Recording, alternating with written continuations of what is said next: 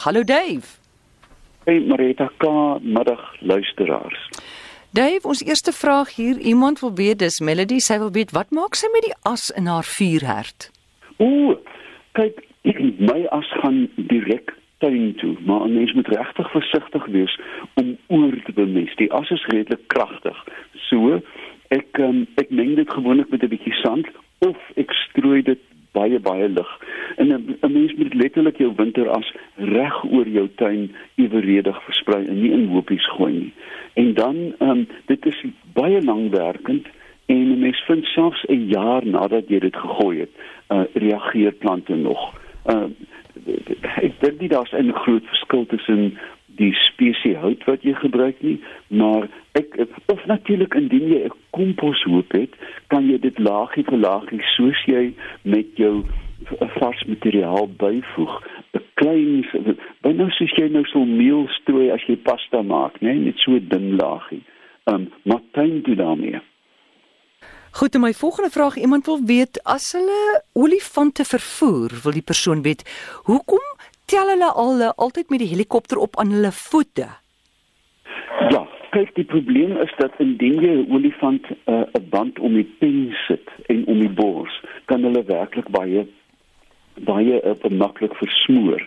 Ehm um, so as jy aan die voete optel, dis dis eintlik maar soos 'n baba aan sy voete optel. Jy, jy weet mos die die aardige gesig as 'n baba op sy rug lê en met 'n ander doek inskuif, dan lig jy maar sy voetjies op. Ehm um, dis soos die Hollanders sê geen gesig. Ehm um, maar dieselfde olifante dra nie doeke nie, maar, maar dit is die maklikste manier om hulle dan ehm um, nie ver te vervoer uit. Jy gaan nou nie oor die berg vlieg met 'n olifant en sy voetjies nie, maar om hom in die krat te kry. Mm, mm. Amore kan ek net gou hier inspring. Ja. Onthou jy verlede week het ons gepraat oor die oor die uitkenning van bome? Ja. Ek kan my oë nie glo nie. Letterlik eh, 'n uh, dag daarna op my rekenaar splinte nuwe boek op die mark uh, kom nou hierdie maand uit How to Identify Trees in Southern Africa van die beroemde Bram en Pieter van Wyk.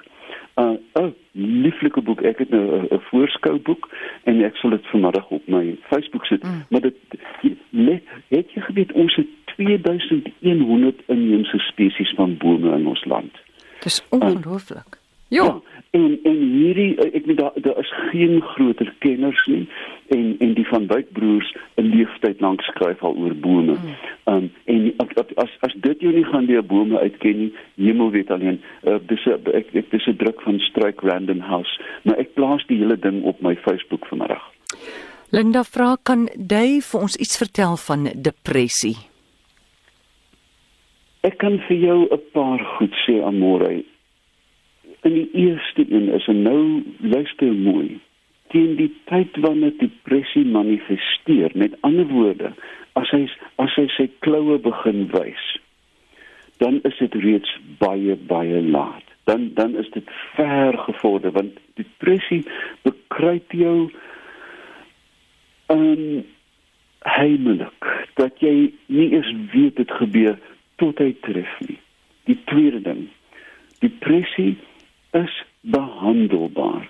En die mense dink ja, maar ek wil nie uh, ek wil nie baie sterk middels uh, gebruik vir depressie nie. Luister mooi. Die breinchemie word omvergewerk deur 'n swaar gemoedstoestand en dit kan regtig baie maklik dit, dit soms kos dit 'n bietjie skaafwerk, maar daar is middels wat bekend staan as serotonien opname inhibeerders en hierdie goed werk heimlik. Dit dit is so sag dat die die effek gewoonlik eers na 'n maand of 5 weke werklik begin wys. So jy moet vasbyt. Derdens, praat met iemand. Moenie dat depressie jou inhaal alleen nie. Moenie wegkruip nie. Party mense het suikersiekte, ander mense het hartkwale en sommige mense het depressie. Dit is niks om voor skaam te wees nie. En daar is kundiges wat jou kan help um, en praat met 'n goeie vriend en sê ek kry swaar. Ek kry swaar. En jy weet die ou storie van dat jy weet 'n kruis gedeel dat dat dat jy net vir iemand dit kan sê. Ehm um, so depressie raak al hoe meer algemeen. Ek dink omdat diagnose baie makliker raak, maar dit is raak ook al hoe meer um, behandelbaar. Moenie skaam wees nie, moenie bang wees nie, vra hulp. Konstant sê as jy vandag by Nampo 'n praatjie kon lewer vir die mense daar, wat sou dit wees? Maar nou, die die hooftitel voor die dubbelpunt sal wees gedraai jou. ja, en voor daai dubbelpunt?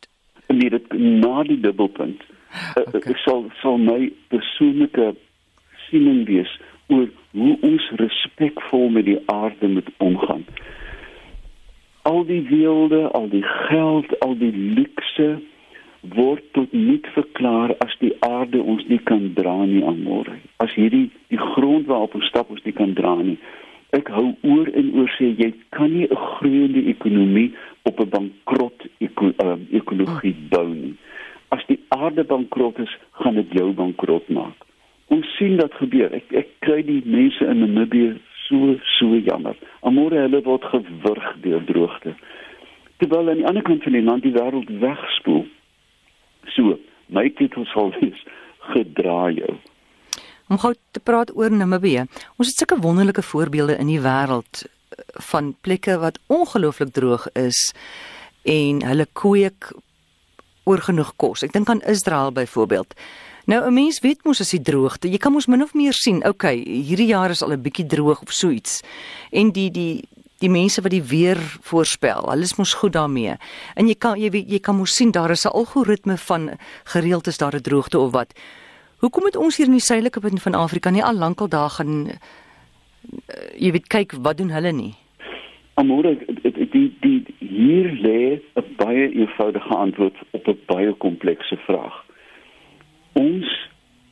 Neem nie kennis nie want oral in die wêreld behalwe nou klein plekkies soos Israel is daar hierdie massiewe gaping tussen die wetenskaplikes en die regerings Hmm. Hulle verstaan mekaar nie. Hulle verstaan eenvoudig weer ons moet 'n nuwe dialek, ons moet 'n nuwe taal ontwikkel waarmee ons kan gaan sit by minister X en sê, "Het jy die vaagste idee wat aan die kom is, minister?" sodat hulle kan verstaan, maar wat hulle, hulle praat in klisjées. Jy verstaan, ek meen Jy weet dit is binne soos akademiese. Hulle klink mos almal so, jy weet. Hulle sê ja nee, wat kollega, ons moet 'n bietjie proaktief werk op die reaktiewe werklikheid. Jy weet daar en net so het politici 'n lingua franca. Hulle hulle praat 'n dialek wat net hulle verstaan en die wetenskaplikes nie en wederzijds. So die antwoord is nie om om in te spring met met tegnieke nie, is om te laat die die die politici te laat verstaan en dan dan dubbelpunt of kommapunt ons moet begin om 'n dialoog te begin tussen die ekonomie wat die probleem kan identifiseer en die ingenieurs wat dit moet regmaak. Ons kan nie damme bou nie. Ek kan nie dam bou nie. Um, ek kan nie 'n windturbine bou nie, maar 'n ingenieur kan, maar hy weet niks van paddas nie.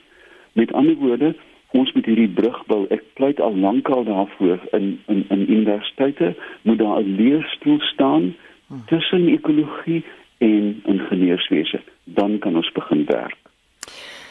Jennifer wil weet hoe word verkeersligte gereguleer en deur wie?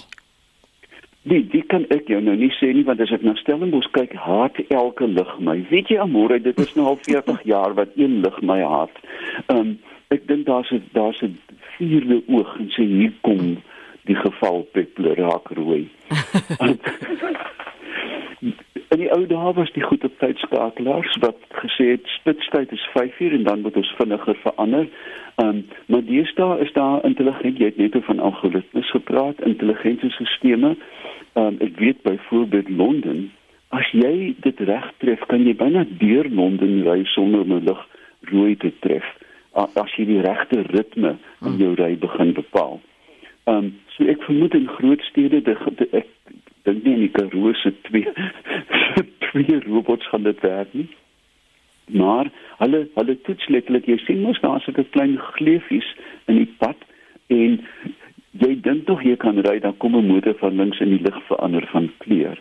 So met ander woorde daar sensore ingebou, sensors in die pad wat dan na 'n klein rekenaar gaan en 'n uh, klein analise maak. Ongelukkig is dit nie algoritmes by ons nie. Hulle is nog nie slim genoeg om te leer uit die verkeer uit nie.